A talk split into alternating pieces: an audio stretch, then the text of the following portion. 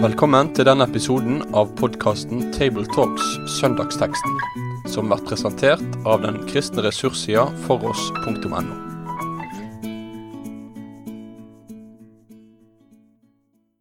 Da er det en glede å ønske velkommen til en ny episode av eh, Table Talks fra oss her i Bergen.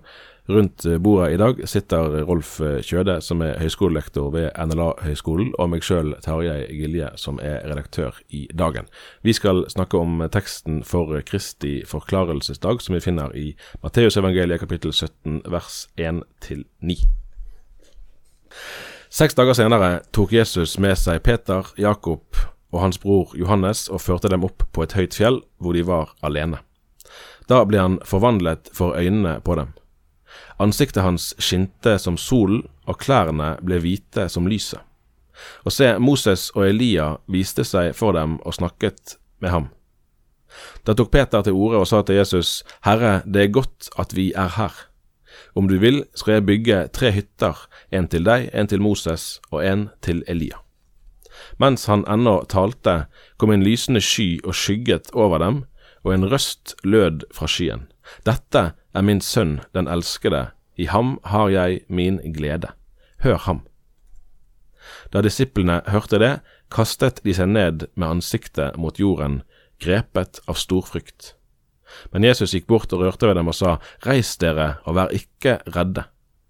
Og da de løftet blikket, så de ingen andre enn ham, bare Jesus. På veien ned fra fjellet ga Jesus dem dette påbudet. Fortell ikke noen om dette synet før menneskesønnen har stått opp fra de døde. Dette er en eh, sterk historie, Rolf, og Kristi forklarelsesdag den dagen har blitt feiret ganske så lenge i den eh, kristne kirken. Ja, særlig i Østkirka så har en iallfall en sånn lang, gammel tradisjon eh, tilbake kanskje til 400-tallet, knytter jo dette igjen til Tabor, da, og en vet at, uh, at kirka på Tabor, uh, som er høgde i Galilea, ja. uh, den, den, kan være bygd rundt om sånn år 400, da. Vi spøkte litt med det her i sted, at en sunnmøring og en bergenser er usikker på om vi kan anerkjenne fjellet i Israel som høye. Eh, ja, eh, det er ikke noe imponerende høgder for oss som har rusla der, men eh, vi aksepterer det som det. Ja, det får vi gjøre. Men det er unektelig en, en uh, spesiell opplevelse både i det observerbare, men ikke minst uh, når vi forstår mer av hva som uh, egentlig skjer her. Ja, det er jo en ganske kraftig sak de utsettes for. Uh, og på en måte så når vi kaller det, kaller det Kristi forklarelsesdag, så er det litt sånn Det høres litt sånn intellektuelt ut, så det er en sånn logisk forklaring av uh, hvem Jesus var. Men, men, det er ikke der det begrepet kommer fra. Uh, når det kommer fra tysk, så er det 'er wurde verklært', og det betyr mye mer det at han, han ble omstråla. Uh, og da forstår vi hvorfor det heter Kristi forklarelsesdag. At, at det er egentlig en feiloversettelse av et ja. gammelt tysk uttrykk. Og det er jo det som skjer her, at Jesus eh, framstår Han, blir, han, han utstråler noe av hvem han virkelig er. Det blir åpenbart for deg hvem, hvem han virkelig er. Uh, det minner litt om det som også er en av lesetekstene i Johannes' åpenbaring, det første kapitlet, der, der, Johannes blir slått til jorda av synet av, av den som han ser. Så det kunne ha hett eh, Kristi herliggjørelsesdag, ja, Kristi det, det, bestrålingsdag? Ja, ja du, det kan du godt si. Jeg tror vi beholder det ordet, men bare sånn at vi forstår hva det er. At dette er ikke en intellektuell forklaring av Nei, Jesus, men det er en, en, en, virkelig en utstråling av hvem han er. da. Mm, mm. Like før eh, dagens tekst, nemlig i Matteus 16, eh, så finner jeg jo den berømte, eh, det som vi kaller for Peters eh, store bekjennelse av Jesus som, eh, som Messias. Eh, så det blir jo en umiddelbar foregriping av, av det, som, det, som, skjer her. Og disse to hendelsene må vel forstås i nokså nær sammenheng? Ja, jeg tenker det. Og vi er jo ofte ved det som vi i Matteusevangeliet og i Jesu liv, eh, ifølge den synoptiske evangeliet, så er vi på en måte i, i snupunktet da, av tjenesten hans. Mm. Og der, eh, etter dette, så rettes veien mot Golgata. Og det er jo For det er en ting at Peter eh, smeller til med en bekjennelse som Jesus sier, den har ikke du kommet på deg sjøl. Det er gitt deg overfra. Men det går jo bare noen vers etterpå, så forteller han om at nå går veien mot lidelse og død. Og så blir Peter tilsvarende irettesatt, kan du si. da. Og dette er jo på en måte da første steget på vei mot korset, og så, og så får da den indre disippelkretsen, mm. må, vi vel, må vi vel kalle dem, eh, får et sånt ekstra, ekstra glimt av hvem Jesus er, og at det, det blir helt sikkert også noe som er med å gi styrka dem framover på den veien som nå går mot korset. Akkurat, akkurat. Så leser vi at, at Moses og Elia viste seg for dem. Vi, vi har vel ikke muligheter for å uh, svare på hvordan de kjente det igjen, for de hadde jo ikke møtt de før. Nei, nei, det er vel, eh, det er vel som uh, Vi kan svare som omtrent som den med gebiss, at du kom fram under samtalen.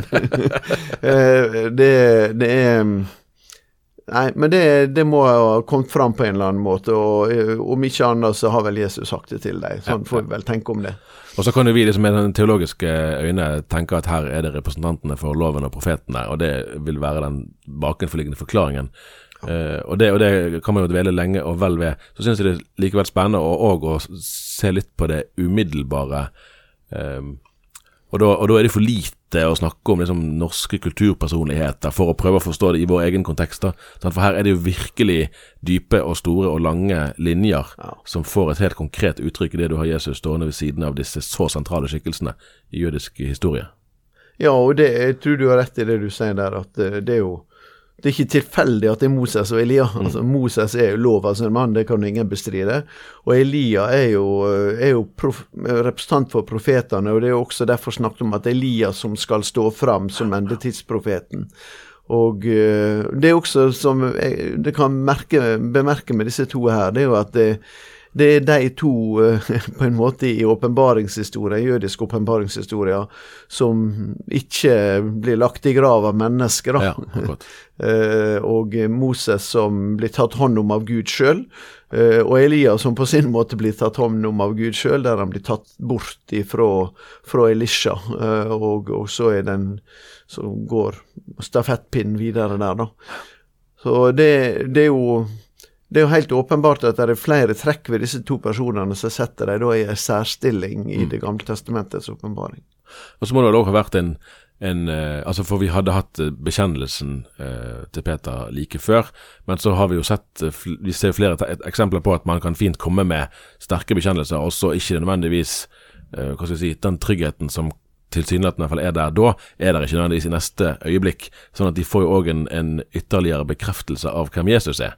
Eh, der og da, i og med dette som eh, skjer. Absolutt. absolutt. Nei, og at uh, tryggheten ikke er på det maksimale, det ser vi at det også blir pilene redde her. Mm, mm. Det hadde vi også blitt, så det er ikke noe å bruke imot deg. Men eh, det er jo riktig.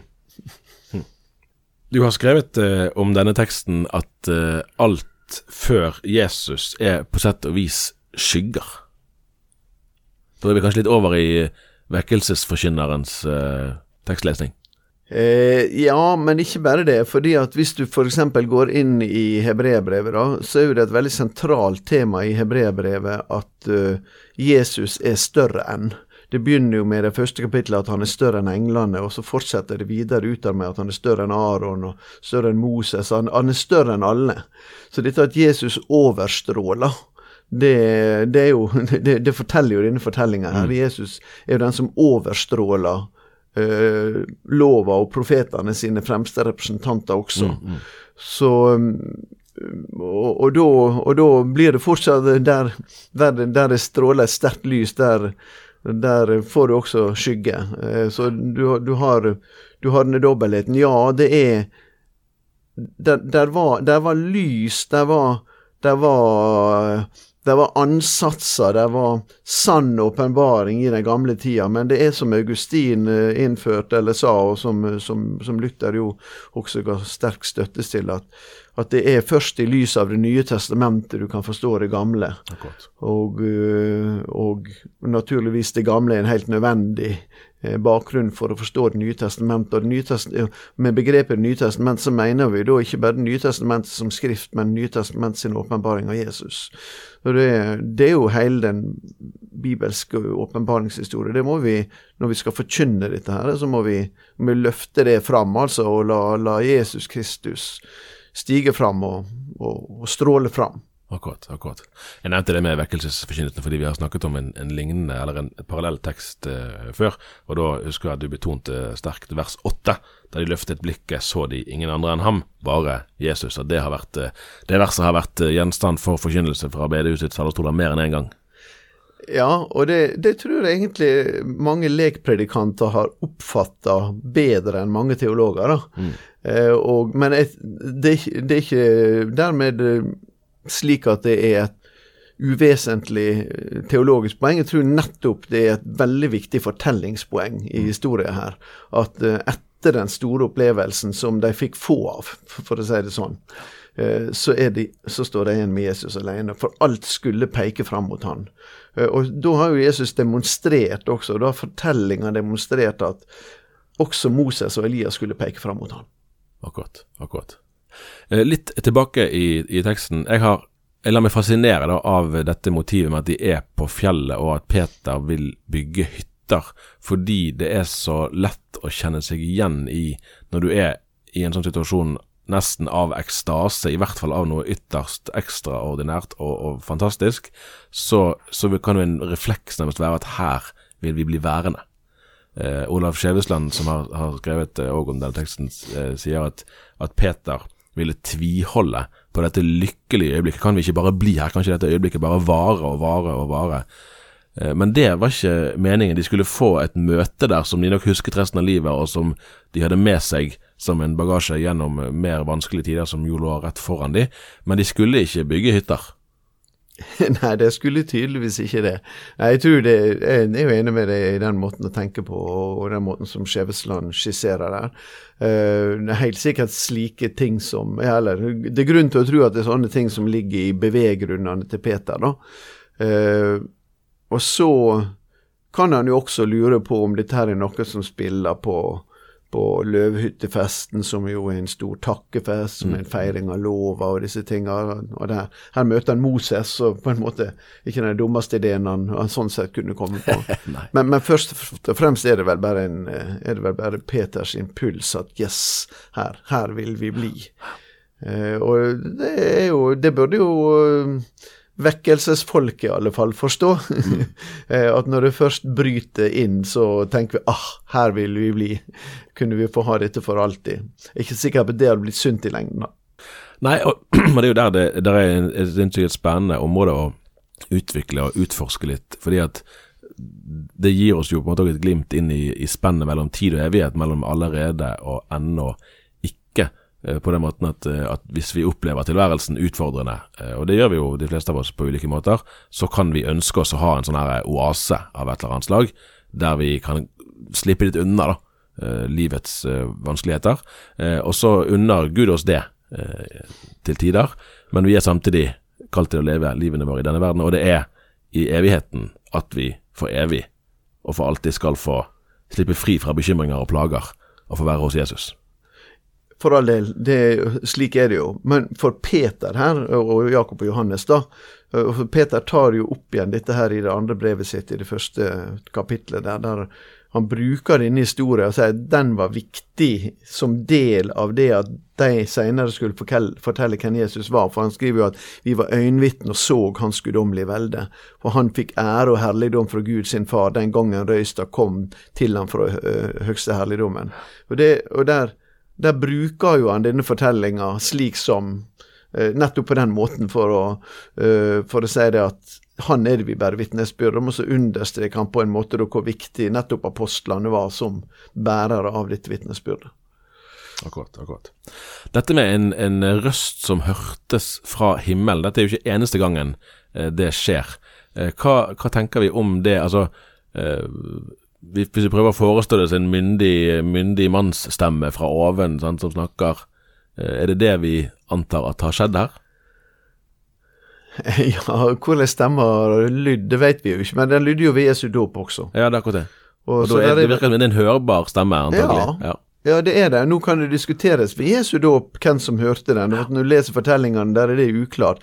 Men her er det iallfall, ser det ut som det er klart at de som er nærværende, de hører denne røsta. Eh, og, eh, og det blir jo sånne sterke åpenbaringstidspunkt. Når Ved Jesu dåp så døpes jo han på en måte for rettferdighets skyld, som det står, inn til vår død. Altså han, han døpes inn til vår likhet. Eh, og da er det den røsta lyder. Mens her overstråles han, eller her, og overstråler han de andre som står der, og så lyder denne røsta også. Så både når Jesus er på vei i dypet, og når han er på høgda, så, så er det den samme røsta som lyder. Og det er jo relasjonsrøsta. Um, for uh, den handler jo om at uh, dette er sønnen min, han som jeg elsker. Eh, men så er det også dette her at eh, de skal høre han. Hør han. Altså, det er han dere har fått. Det er der dere får åpenbaringa. Hør han. Akkurat. Eh, så ja, de, de vises jo veldig tydelig til Jesus her. Gjør det.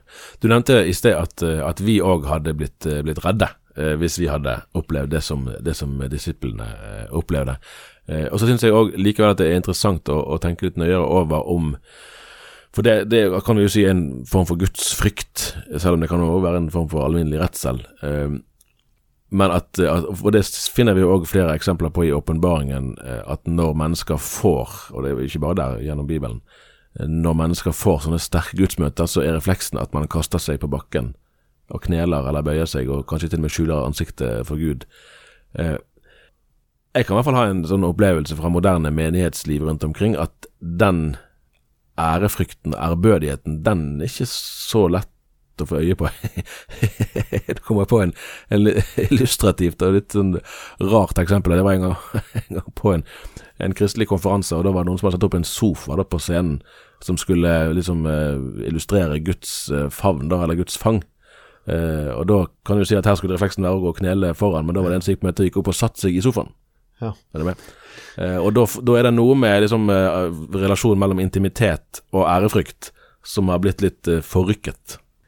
Ja, jeg tror kanskje vi tenker, tenker gjennom det. Philip Jenkins, som en del eh, som du hører på, eh, kanskje kjenner litt til. altså En, en amerikansk historiker som har skrevet en god del om, eh, om Den kristne kirkes utvikling, både historisk og i dag. Men han skriver en bok om, om bakgrunnen for Den kristne kirke, av den kirka som ble øst for, øst for Jerusalem. da, og En stor misjonsbevegelse bort dit. Eh, Og han skriver jo i der at det er grunn til å tenke at dette her er som vi kjenner fra muslimene, nemlig at de bøyer seg med ansiktet mot jorda når de ber, det har han historiske grunner til å mene at det lærte de av de kristne Ja. borte i Irak og Iran, altså i de østlige områdene. For det var det, det, var det vanlige. En ba til Gud, en, en bøyde seg for Gud med ansiktet mot jorda.